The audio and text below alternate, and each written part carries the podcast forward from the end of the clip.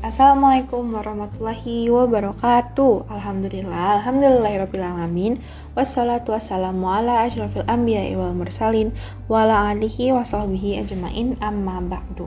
Pertama-tama marilah kita panjatkan puja dan puji syukur kehadirat Allah subhanahu wa ta'ala Yang telah melimpahkan nikmat kepada kita yang kedua, salawat serta salam tidak lupa kita hanturkan kepada junjungan kita, Nabi Agung kita, Nabi Muhammad Shallallahu Alaihi Wasallam, yang kita tunggu syafaatnya di yaumul akhir nanti. Amin. Yang ketiga, di sini perkenankan Ana untuk membacakan kultum yang akan membahas tentang Isra Mi'raj. Isra Mi'raj adalah dua bagian perjalanan yang dilakukan oleh Nabi Muhammad Wasallam dalam waktu satu malam saja. Kejadian ini merupakan salah satu peristiwa penting bagi umat Islam karena pada peristiwa inilah beliau mendapat perintah untuk menunaikan sholat lima waktu sehari semalam. Isra Miraj merupakan salah satu bukti kekuasaan Allah yang tiada kekuatan selain kekuatannya. Lalu, kita selaku umat Islam, apa yang harus kita lakukan sebagai tanda syukur kita?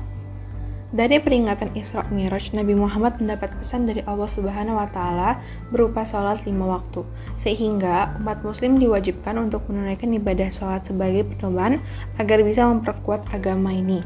Hal ini sebagaimana dalam hadis yang memiliki arti sebagai berikut.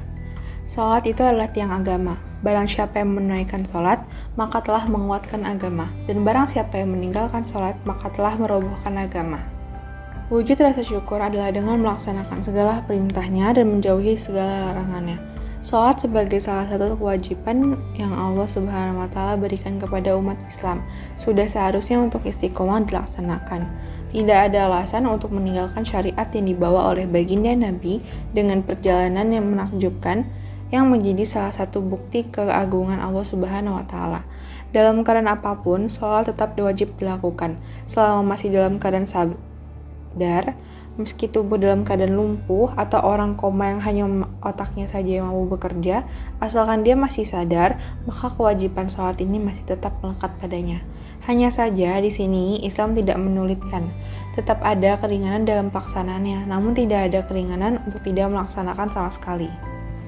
Jika orang yang sakit saja tetap tidak gugur kewajibannya, apalagi dalam keadaan sehat walafiat, jangan jadikan kesibukan dan urusan dunia sebagai alasan untuk mengalihkan apalagi meninggalkannya. Selain sholat, sesungguhnya ada hal penting lainnya yang harus kita ambil dari peristiwa Isra Miraj, yaitu keimanan. Peristiwa ini menunjukkan bahwa kita manusia adalah makhluk yang lemah dan terbatas. Akal kita terbatas, kemampuan kita terbatas, dan segala yang melekat pada kita juga semua yang ada di dunia ini terbatas. Tidak layak bagi kita untuk sombong dan angkuh. Perasa diri bisa mengatur segalanya, hingga tidak mau tunduk pada aturan Allah yang Maha Kuasa. Kita yang lemah dan terbatas adalah sangat butuh pada Allah Subhanahu wa Ta'ala, Zat yang Maha segalanya. Maka tidak ada hal lain yang seharusnya kita lakukan selain tunduk dalam ketaatan. Oke, sekian dari saya.